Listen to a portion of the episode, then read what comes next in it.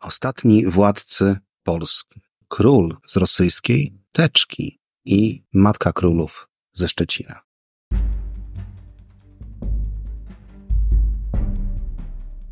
Ryszard Kapuściński powiedział: Wszak istnieje coś takiego jak zarażenie podróżą i jest to rodzaj choroby w gruncie rzeczy nieuleczalnej.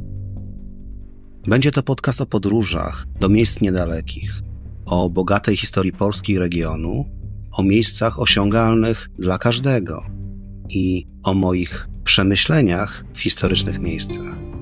Zapraszam, Marcin.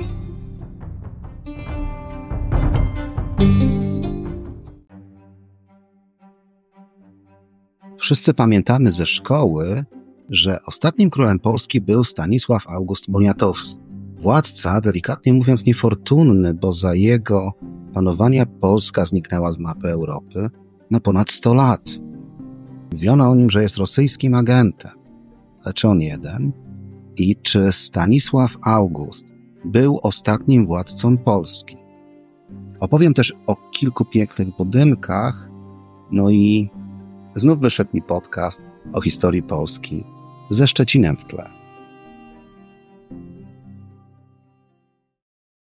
Zacznijmy historię od rosyjskiego faworyta na polskim tronie. Jesteśmy w Warszawie, jest rok 1733, kiedy to 22 maja Sejm Koronacyjny przyjmuje uchwałę o wykluczeniu cudzoziemskich pretendentów do korony polskiej, czego skutkiem jest wkroczenie do Polski 35 tysięcy rosyjskich żołnierzy. Swoista operacja wojskowa mająca na celu depolonizację Polski. Dzieje się to przy cichym poparciu Austrii i Saksonii. Pomimo tego 12 września na króla zostaje wybrany jednak Polak, Stanisław Leszczyński, będący już wtedy teściem króla Francji. Jednak Francja jest daleko, a wojska rosyjskie są już na Pradze po dwóch tygodniach. A 5 października przywożą nam w teczce innego króla, Augusta III Sasa. Niedokładnie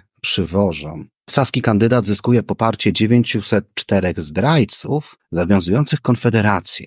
Nowemu królowi przeciwstawiają się wierne prawu i Rzeczpospolitej Prusy Królewskie, a Gdański Toruń oblegane są przez wojska rosyjskie w ramach operacji specjalnej na miarę ówczesnych czasów. Z pomocą Gdańskowi próbuje przyjść odciecz francuska, ale misja kończy się porażką. Generalnie świat jest obojętny, a okres ten nazywa się w historii wojną o sukcesję polską. Ale nie o tym jest ten podcast, aczkolwiek wojna o sukcesję polską jest bardzo dobrym tematem na podcast. Koniec końców August III Sas, steczki rosyjskiej, koronowany jest na Wawelu 17 stycznia 1734 roku przy użyciu, uwaga, podrobionych insygniów koronacyjnych. Na przykład korona wysadzana kamieniami półszlachetnymi, czy też pozłacane jabłko królewskie. Miecz koronacyjny też był podrobiony, bo innych królów polskich koronowano słynnym szczerbcem. Oryginalne insygnia zostały wywiezione z Krakowa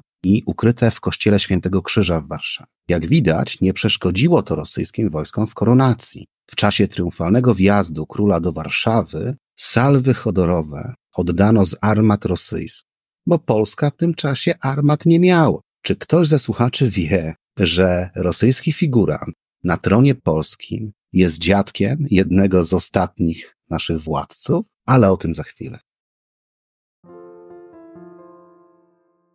Z Warszawy przenieśmy się do Szczecina, gdzie 25 października 1759 roku rodzi się Zofia Dorota Augusta Luisa von Wirtenberg, lub jak kto woli, Zofia, córka dowódcy pułku dragonów i komendanta Festung Stedi. Matką Zofii była również Zofia, kuzynka króla Prus Fryderyka II. Młoda Zofia wpada w oko innej szczeciniance, także Zofii, a konkretnie Zofii Fryderyce Augustie von Anhalt-Zerbst, znanej Polakom powszechnie jako caryca Katarzyna II. Więc panie pośle Sucki, von Anhalt miała na nazwisko przywołana przez sędziego Milewskiego caryca. I gdyby sędzia Milewski powiedział von Anhalt, to prawdopodobnie w komisji otworzyłby się wątek niemiecki. Wiadomo, że imperatorka Rosji gorącą niewiastą była. ale młoda Zofia nie wpadła jej w oko pod takim względem. Katarzynie II chodziło o małżeństwo z owdowiałym carewniczem Pawłem, jej synem i następcą tronu. Na carskim dworze plotkowano, że biologicznym ojcem Pawła był hrabia Siergiej Sautyko, a także plotkowano, że jego ojcem mógł być Stanisław August Poniatowski, wszak dawny kochanek Katarzyny. Według innych plotek rzeczywistym dzieckiem Katarzyny była Aleksandra Branicka, którą zaraz po urodzeniu caryca Elżbieta, matka, zamieniła na niemowlę płci męskiej pochodzenia czuchońskiego, czyli estońskiego. Istniała wreszcie legenda, że Katarzyna II urodziła martwe niemowlę, które potem podmieniono na żywe, urodzone we wsi położone i niedaleko Oranienbau, rezydencji cesarskiej nad Zatoką Fińską. Ojcem dziecka miał być niemiecki luterański pastor. Może dlatego Paweł I nienawidził matki oraz jej dworzan, bo kiedy włożył cesarską koronę, dokonał pierwszej poważnej czystki nad Na pewno nie był podobny do swojego opóźnionego w rozwoju, oszpeconego ospą, urodzonego z pewną przypadłością, utrudniającą życie seksualne stulejką ojca. Wróćmy do szczecińskiej Zofii. Jej małżeństwo z owdowiałym carewiczem Pawłem zaaranżowali ojciec oraz caryca Katarzyna w październiku 1778 roku. Po ślubie Zofia przeszła na prawosławie i staje się Marią Fiodorowną. Kto by przypuszczał, że zostanie matką dwóch królów Polski?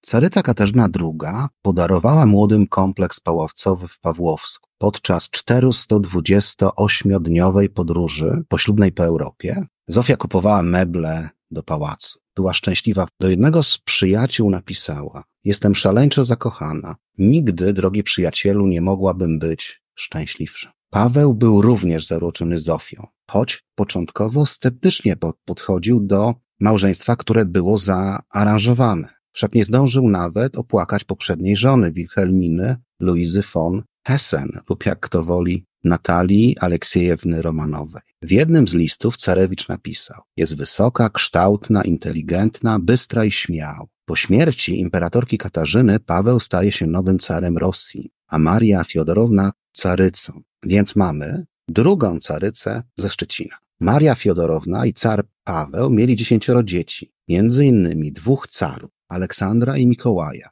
Mieli również syna Konstantego, ponoć znienawidzonego namiestnika Polski, ale ten wątek wart jest badania, bo to właśnie Konstanty wyszkolił świetnych żołnierzy powstania listopadowego, którym kibicował. Fiodorowna również powiła Katarzynę, późniejszą królową Wirtembergi. Na dworze toczyły się walki stronnictw, czyli zwolenników Pawła I jako prawowitego władcy i przeciwników Katarzyny II. Paweł nie był ogólnie lubiany przez arystokrację rosyjską, bo chciał zreformować Rosję, co spowodowało, że w 1801 roku został zamordowany przez spiskowców. Niby zwolenników swojego syna Aleksandra. Jest to dziwne, bo dał im się później ostro we znaki.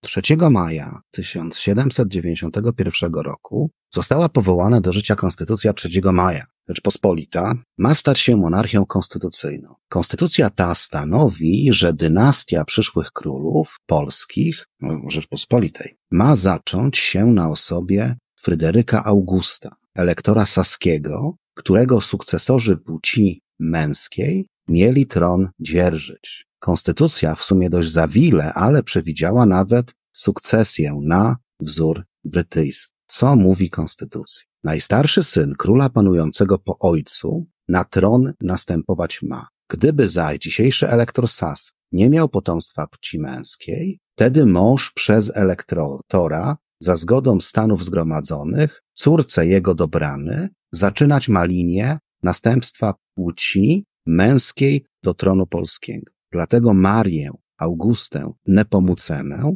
córkę elektora, za infantkę polską deklarujemy, zachowując przy narodzie prawo, żadnej preskrypcji podpalić nie mogące. Wymagania do tronu drugiego domu po wygaśnięciu pierwszego. Ale kim był Fryderyk August I? Urodził się w Dreźnie jako drugie dziecko Fryderyka Krystiana, następcy tronu elektora Saksonii. Jego młodość to trudny okres dla Saksonii, zapolątanej za sprawą jego dziadka w wojnę siedmioletnią. Wojna siedmioletnia to pierwsza tak naprawdę wojna światowa. Wtedy to jego kraj okupowały wojska pruskie. Co jest ciekawe, jego program edukacyjny obejmował naukę polskiego na wypadek ponownej Unii polsko-saskiej. Więc Fryderyk August mówił płynnie po polsku, choć sam nie myślał o polskiej koronie, bo był na tyle rozumny, że wiedział, że nie o koronie nie zadecyduje ani Saksonia, ani nawet Rzeczpospolita, tylko Rosja lub Prusy, albo Rosja i Prusy wspólnie, a Katarzyna II miała prosty przekaz. Nawet chłopcze o tym nie myśl.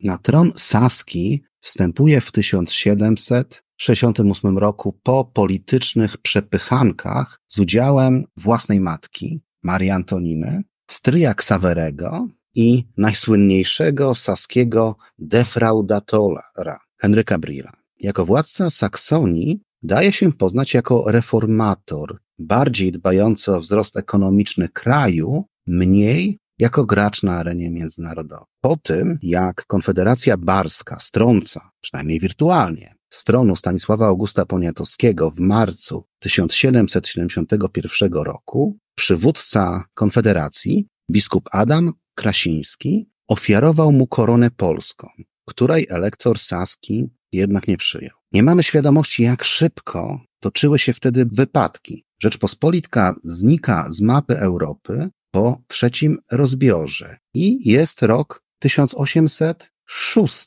gdzie Saksonia jako jedno z państw niemieckich najpierw staje po stronie Prus, aby nieoczekiwanie zmienić front i stanąć po stronie Napoleona. I tak w grudniu 1806 roku w Poznaniu, a jakże, podpisał król traktat pokojowy z Francją, na mocy którego Saksonia stała się królestwem i członkiem kolaborującego z punktu widzenia Niemiec Związku Reńskiego. Na mocy tego samego porozumienia Fryderyk August staje się królem Saksonii i księciem księstwa warszawskiego, namiastki państwa podarowanej Polakom przez Napoleona. I mamy lata 1807-1815. Jeszcze jedna rzecz, na którą powinniśmy zwrócić uwagę, że gro ziem, na których powstaje księstwo, to zabór pruski z dołączonym kawałkiem zaboru austriackiego. Taki kształt państwa uzgodnili cesarze Francji i Rosji na mocy pokoju w Tylż. Chcę zwrócić uwagę, że w tym czasie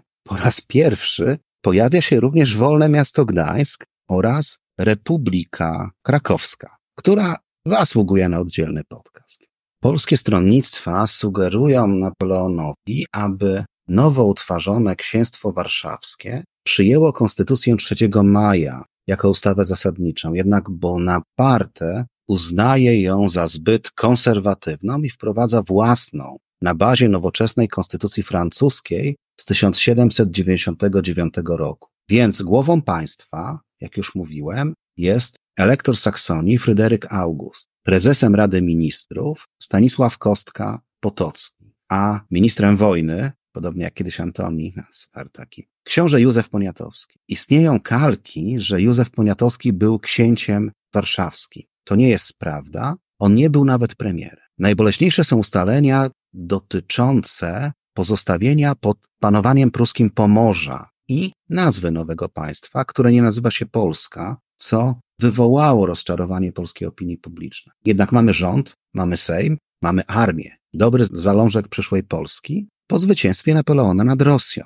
Nasz władca był osobą światu. Potrafił przeforsować w Sejmie zmiany podatkowe, a w 1810 roku wizytował nowe departamenty, planując usprawnienia w administracji kraju. Wreszcie poparł plan odbudowy niepodległego Królestwa Polskiego na bazie nowych wojennych zdobyczy w formie Konfederacji Generalnej Królestwa Polskiego, w ten sposób przyjmując tytuł Króla Polski. Niestety projekt Księstwa Warszawskiego, potem Królestwa, nie wychodzi, bo delikatnie mówiąc, Napoleon dostaje tęgie baty w Rosji i tak kończy się rola Unii Sasko-Polskiej. W wyniku postanowień Kongresu Wiedeńskiego z 1815 roku król musiał zrzec się tytułu księcia warszawskiego, a połowa Saksonii nawet przeszła pod władanie Prus. Tron Saksonii objął po nim jego brat Antoni. Król Saski, książę warszawski Fryderyk August zmarł w Dreźnie 5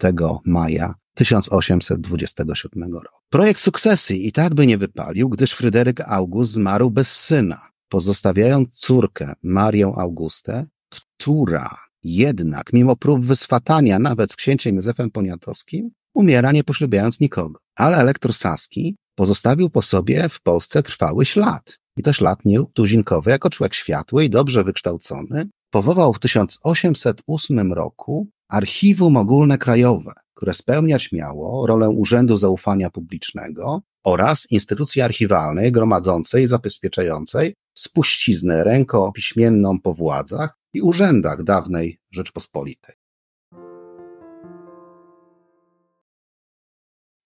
Z całym szacunkiem dla elektora saskiego przywierzonego nam przez Napoleona, to jeszcze nie koniec polskich władców w teczce. Ten będzie może bardziej znany. Tak jak już mówiłem, projekt Księstwa Warszawskiego, potem Konfederacji Królestwa spalił na panewce, gdyż Napoleon zebrał ciężkie baty w Rosji. 3 maja 1815 roku, kurczę, w rocznicę konstytucji, z której jesteśmy tak dumni, na kongresie wiedeńskim Rosja podpisała z Prusami i Austrią porozumienie o podziale Księstwa Warszawskiego, taką umowę trójstronną o utworzeniu wolnego miasta Krakowa lub jak kto woli Republiki czy Rzeczpospolitej Krakowskiej. Zdecydowano też podział królestwa na cztery części. W tym podziale Cesarstwo Austrii otrzymuje okręg Wieliczki, nic wszak dziwnego, sól rzecz cenna. Królestwo Prus otrzymuje Wielkie Księstwo Poznańskie wraz z ziemią chełmińską, natomiast Rosja na miejscu środkowej i wschodniej części księstwa tworzy Królestwo Polskie, popularnie zwane Królestwem Kongresowym. Do dziś tereny te zwiemy kongresówką. Tak więc Kongres Wiedeński zdecydował o powstaniu Królestwa Polskiego, tym razem w Unii Personalnej z carami Rosji. A Aleksander I otrzymał tytuł Króla Polskiego i stał się kolejnym władcą Polski, tak jak już mówiłem, przywiezionym w teczce. To najstarszy syn Szczecinianki Marii Fiodorowny i cara Pawła. Warto o nim opowiedzieć, wszak steczki, ale król polski zwykle jest tak, że jeśli ktoś jest szykowany na następne tronu, rodzina zapewnia mu solidne wykształcenie, znajomość świata czy znajomość kilku języków. I tak było z Aleksandrem. Był wszechstronnie wykształcony, gdy w wieku 23 lat przejmował rządy w Rosji. Jedni mówią, że to rodzice wychowali go na światłego człowieka, drudzy, że Katarzyna Wielka. Nie wiem jak było, ważne, że Aleksander światłym człowiekiem był i chyba jeden z niewielu władców Rosji, któremu można było ufać. Taki wyjątek potwierdzający regułę. Jak to się stało, że tak młodym wieku został carem? Jego ojciec reformami naraził się możnym Rosji. Ograniczył pańszczyznę, zmienił strukturę państwa, piętnował pijaństwo w armii, unowocześniał wojsko i w 1801 roku zawiązano spisek, w którym uczestniczył m.in. gubernator Petersburga, Peter Ludwig von der Palen, rdzenny Rosjanin, czy znani rosyjscy wojskowi bracia Zubow, którzy po opanowaniu zamku Michajłowskiego zażądali od Pawła I abdykacji na rzecz syna. Gdy ten odmówił, został uduszony przez kapitana Jakowa Skariatina. I tak Aleksander stał się carem Rosji, a jego matka do śmierci podejrzewała go o udział w spisku. Spiskowcy natomiast trafili z deszczu pod rynnę, bo pierwsze dekrety nowego cara dotyczyły zwiększenia roli parlamentu, zniesienia poddaństwa chłopów w guberniach nadbałtyckich, likwidacji cenzury, zakazu stosowania tortur, liberalizacji handlu zagranicznego, czy też reform w szkolnictwie. Utworzone zostały uniwersytety w Charkowie, tym Charkowie, studenckim mieście rozpieprzonym dziś przez rosyjskie rakiety, i Kazaniu oraz reaktywowano Uniwersytet Wileński z polskim językiem nauczania. I tu pamiętajcie, że Wilno to Rosja, a nie Królestwo Kongresowe. Ustrój Królestwa Kongresowego jest ewenementem na skalę europejską, a Aleksander podejmuje eksperyment ustrojowy. W latach 1815-1832 królestwo posiadało własną konstytucję, własny parlament, własną armię, biło własną monetę i posiadało szkolnictwo z Uniwersytetem Warszawskim, a językiem urzędowym był język polski. Konstytucja Królestwa została opracowana przez księcia Adama Czartoryskiego, a była kompilacją Konstytucji Księstwa Warszawskiego i Konstytucji 3 maja. Utrzymywała wprawdzie uprzywilejowaną pozycję szlachty zarówno we władzach Sejmu, urzędach i sądownictwie, jak i gospodarce, ale była najliberalniejsza w Europie. Gwarantowała prywatną własność oraz wolność słowa i druku, wolność osobistą oraz wolność wyznania i wiary. I tak car Aleksander tworzy nowoczesne polskie państwo. Niestety w roku 1825 podczas pobytu z żoną na Krymie umiera na skutek przeziębienia i tak żegnamy kolejnego króla Polski. Co do jego śmierci, oczywiście jest wiele legend. Na przykład ta, że sfingował własną śmierć, aby zostać mnichem. Na koniec ciekawostka. Czy car Aleksander miał żonę Niemkę? Oczywiście. Elżbieta Aleksiejewna, urodzona jako Ludwika Maria Augusta Badeńska, Karlsruhe. Ponieważ car Aleksander I nie miał dzieci, jego dziedzicznym następcą powinien zostać jego drugi co do wieku brat Konstanty, stojący wówczas na czele armii w Królestwie Polskim. Jednak Konstanty odmówił tej roli i carem został kolejny brat, Mikołaj I. Mikołaj w przeciwieństwie do Aleksandra na tron szykowany nie był, więc otrzymał wykształcenie wojskowe. Nie miał ogłady i kultury osobistej zmarłego brata, miał charakter gwałtowny i despotyczny. Taki krótki ląd, używając terminologii wojskowej. W ramach ceremonii koronacji na cesarza Rosji w warszawskiej katedrze świętego Jana Chrzciciela odbyła się msza koronacyjna, a właściwej koronacji dokonano na Zamku Królewskim w Warszawie. Tak na tronie Królestwa Polskiego zasiada Mikołaj I.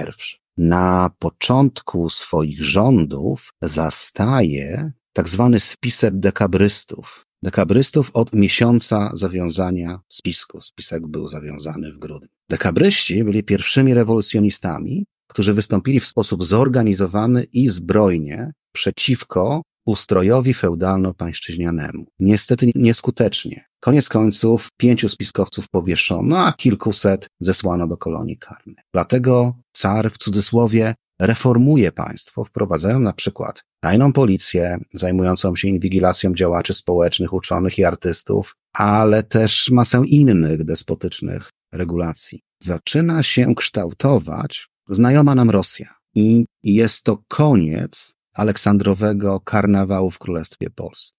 Wzmagają się represje, wraca cenzura, rośnie niezadowolenie. Dlatego w listopadzie 1830 roku wybuchło zainicjowane przez podchorążych i młodszych oficerów samobójcze powstanie listopadowe, kolejne, którego nie mamy szans wygrać. Powstanie listopadowe to zapewnie temat na inną opowieść, ale podczas tego powstania Sejm Polski zdetronizował Mikołaja I.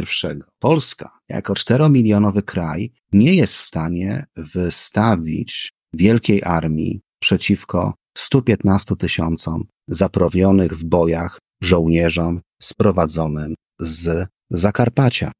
W 1832 roku Rosjanie pacyfikują powstanie i zostaje wprowadzony statut organiczny dla Królestwa Polskiego, włączający ziemię Królestwa do Cesarstwa Rosyjskiego, tworzącego z państwa, jakim było Królestwo, jednostkę terytorialną Rosji. Tak kończy się wspomniany już przeze mnie karnawał, a zaczynają się represje. Majątki powstańców zostają pacyfikowane. Car likwiduje kościół unicki i zmusza jego członków na prawosławie. Więc kościół unicki staje się kościołem tajnym. Car likwiduje Instytut Politechniczny oraz Uniwersytet Wileński. Planował nawet zastąpić alfabet polski cyrylicą, ale uratowały nas głoski e czy o, których podobno nie dało się zapisać w języku rosyjskim. Represje Mikołaja to również weryfikacja tytułów szlacheckich gwarantujących wolność w guberniach ukraińskich straciło je na przykład 340 tysięcy przedstawicieli ubogiej szlachty. Jeden z francuskich badaczy stwierdził, że akcja caratu na Ukrainie przekształciła ponad 4 piąte Polaków w niewolników, no bo bycie chłopem to jest rodzaj ustroju niewolnicze. Car dywersyfikował represje, ale robił to samo, tylko na terenach dawnego królestwa w białych rękawiczkach. Poza królestwem bez takowych rękawiczek. Zawdzięczamy mu rusyfikację, pacyfikację i represję. Taki był ostatni król Polski w teczce. Dał się jeszcze poznać jako pogromca powstania w Republice Krakowskiej w 1846 roku oraz osoby wysyłającej posiłki cesarzowi austriackiemu do walk z Węgrami podczas wiosny ludów, więc duże szanse są, że te oddziały walczyły z naszym generałem Bem. Po przegranej na wojnie krymskiej nieco złagodniał wobec Polaków, wprowadzając drobne odprężenie. Dla Rosji bilans jego panowania jest chyba dobry. Powstały liczne manufaktury i zakłady przemysłowe przerabiające surowce lokalne, jak cukrownie, browary, gorzelnie, cegielnie, tartaki czy huty szkła. Rozwijało się rolnictwo, a także nauka. Wyprawy na Antarktydę sformowano. Niestety bilans Mikołaja jako władcy Królestwa Polskiego możemy oceniać tylko źle. I znowu pytanie, czy miał żonę Niemkę? Oczywiście. Jego żoną była Fryderyka Luiza Charlotta Wilhelmina Hohenzollern, znana też jako Charlotta Pruska, a Rosjanom znana jako Aleksandra Romanowa. A dzisiejszym miejscem nieoczywistym jest Plac Orła Białego w Szczecinie. Dlaczego? Przede wszystkim dlatego, że tam właśnie urodziła się Zofia von Wirtenberg. A gdzie to za chwilę? No i dlatego, że niedaleko urodziła się Zofia von Anhalt. Także, albo przede wszystkim dlatego, że to jedno z najładniejszych miejsc miasta. Niedaleko kolegiaty świętego Jakuba, o której opowiadałem w moim pierwszym podcaście, o Loicach i Galeoniesmo. Dzisiejszy plac był niegdyś głównym rynkiem średniowiecznego górnego miasta. Przy rynku tym wznosił się ratusz górnego miasta oraz sukiennice, które w XVI wieku wyburzono, a zastąpiono je młynem kieratowym. Dlatego jedna z dzisiejszych ulic nazywa się właśnie Kąski Kierat. W czasie wojny trzydziestoletniej w wieku XVII rynek górnego miasta został całkowicie zniszczony, aby po odbudowie w stylu barokowym zostać mocno naruszony, tym razem przez armię francuską, wspieraną przez czwarty pułk strzelców konnych Armii Księstwa Warszawskiego. Budynki zostały odbudowane, przebudowane, aby w kształcie głównie neorenesansowym i klasycystycznym dotrwać do II wojny światowej. Ale skąd wzięła się nazwa placu? Nazwa placu wzięła się od najstarszej w Szczecinie barokowej fontanny, wzniesionej z białego piaskowca w roku 1732 przez berlińskiego rzeźbiarza Johanna Konrada Kocha. W dolnej części fontanny znajduje się misa w kształcie czterolistnej koniczyny. Główna część fontanny ma kształt czworobocznego trzonu, a na każdym z boków widoczne są maszkarony. Na szczycie fontanny znajduje się misa ze stosem kamieni, na której spoczywa rzeźba orła z rozpostartymi skrzydłami. W czasie II wojny światowej fontannę zasypano żwirem i piaskiem, co uchroniło ją przed zniszczeniem. Plac Orła Białego brzmi dumnie i patriotycznie, ale z polskim Orłem Białym ma on niewiele wspólnego, biorąc pod uwagę fakt, że plac ten przed wojną nazywał się Rozmarkt, to jest rynek koński. Od wspomnianego już młyna. Jednak trudno się dziwić powojennej retoryce, że plac został nazwany z duchem przywracania polskości Szczecinowi.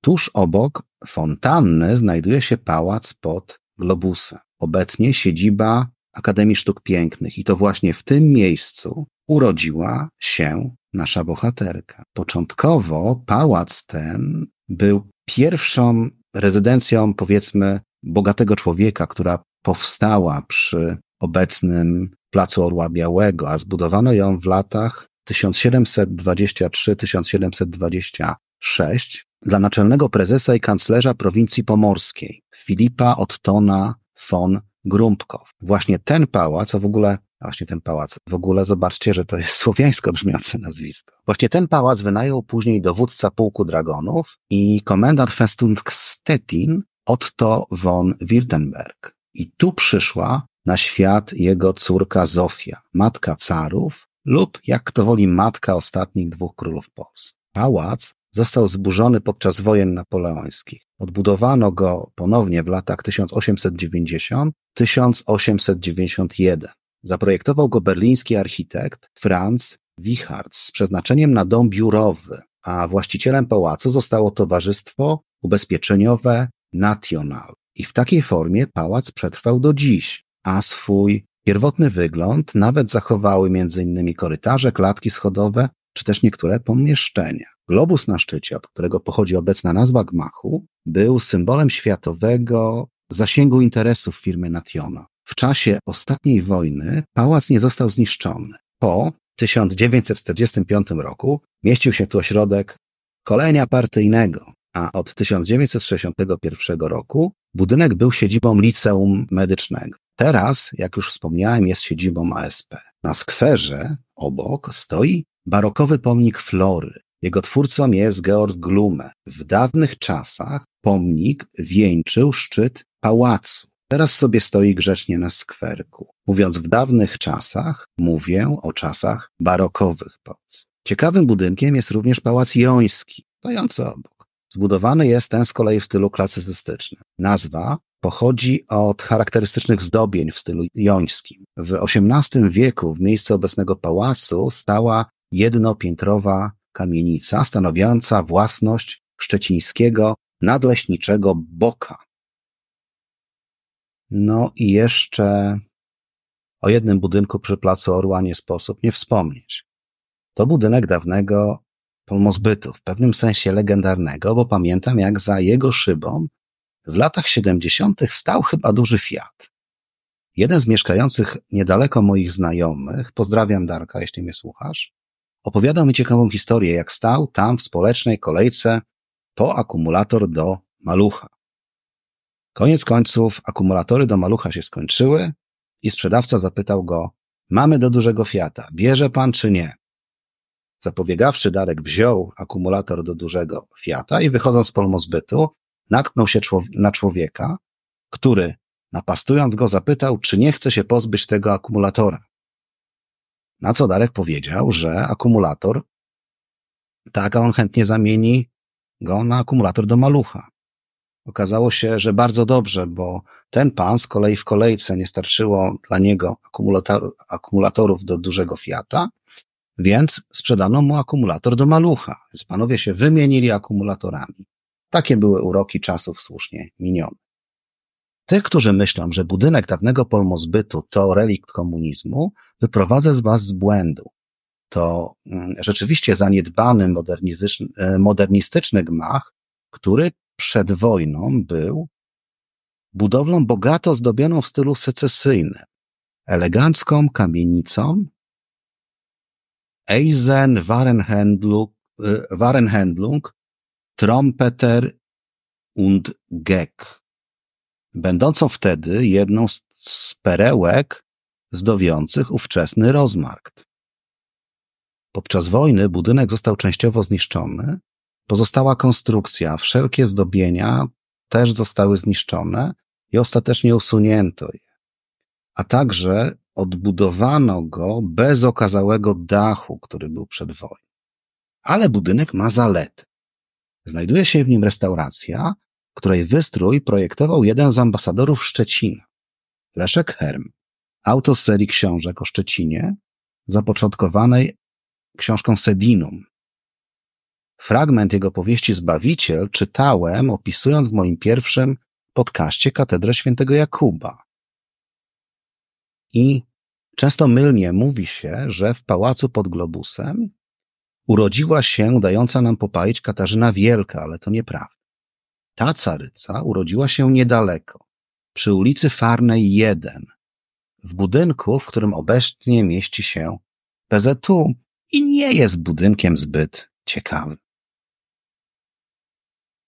No i jeszcze o jednym budynku przy Placu Orła nie sposób nie wspomnieć.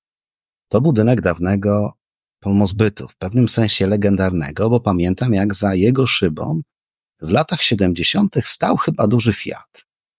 Jeden z mieszkających niedaleko moich znajomych, pozdrawiam Darka, jeśli mnie słuchasz, opowiadał mi ciekawą historię, jak stał tam w społecznej kolejce po akumulator do malucha.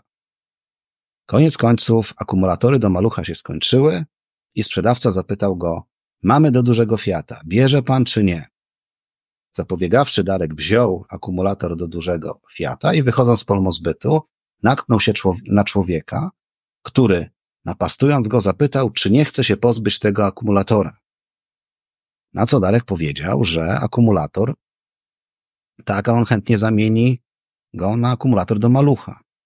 Okazało się, że bardzo dobrze, bo ten pan z kolei w kolejce nie starczyło dla niego akumulator, akumulatorów do dużego Fiata, więc sprzedano mu akumulator do malucha. Więc panowie się wymienili akumulatorami. Takie były uroki czasów słusznie minionych. Tych, którzy myślą, że budynek dawnego polmozbytu to relikt komunizmu, wyprowadzę z was z błędu. To mm, rzeczywiście zaniedbany e, modernistyczny gmach, który przed wojną był budowlą bogato zdobioną w stylu secesyjnym, elegancką kamienicą. Eisen Warenhandlung, e, Warenhandlung Trompeter und Geck, będącą wtedy jedną z perełek zdowiących ówczesny rozmarkt.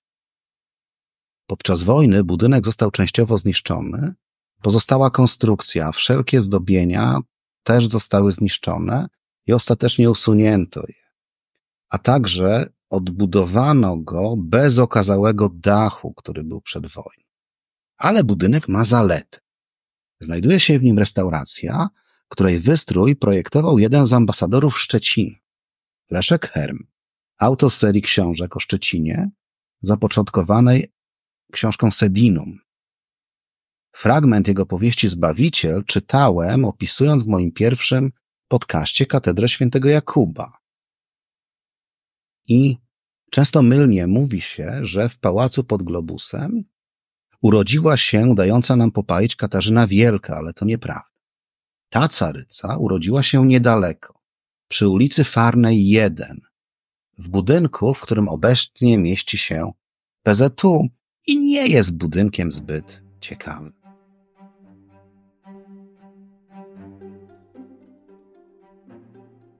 Istnienia ostatnich władców Polski najprawdopodobniej nie mamy świadomości. Ale począwszy od Augusta III Sasa, wszyscy w mniejszym lub większym stopniu są władcami narzuconymi, a jeden nawet z nich pochodzi z francuskiej, a nie rosyjskiej teczni. Niewiele się mówi w kontekście panowania ostatnim Sasie, czy o dwóch Rosjanach, a w zasadzie, uwaga, Niemcach bo rodzice Pawła I byli Niemcami, Maria Fiedorowna też, czyli ostatni trzej władcy Polski byli etnicznymi Niemcami. O, chyba, że weźmiemy pod uwagę Stanisława Augusta i jego domniemane ojcostwo, to będą mieli w sobie jedną czwartą polskiej wsi. Taki jest urok geopolityczny istnienia kraju między mocarstwami. Miejmy nadzieję, że to już się więcej nie powtórzy. I co jest ciekawe, co mi pokazał ten podcast, że Niemcy są z, od zawsze w historii Rosji. To mnie bardzo fascynuje. Więc nie dziwmy się, że Lenina sponsorowali Niemcy, czy zawarto pakt Ribbentrop-Mołotow. Istnieje także legenda, albo może bardziej teoria spiskowa, że kiedy Piotr Wielki wrócił ze swojego tournée po Europie, był 10 centymetrów wyższy, mówił słabo po rosyjsku, za to biegle po niemiecku. Jakoś na przestrzeni lat te relacje rosyjsko-niemieckie właśnie tak się układają. Ale dzisiaj dziękuję Wam za uwagę.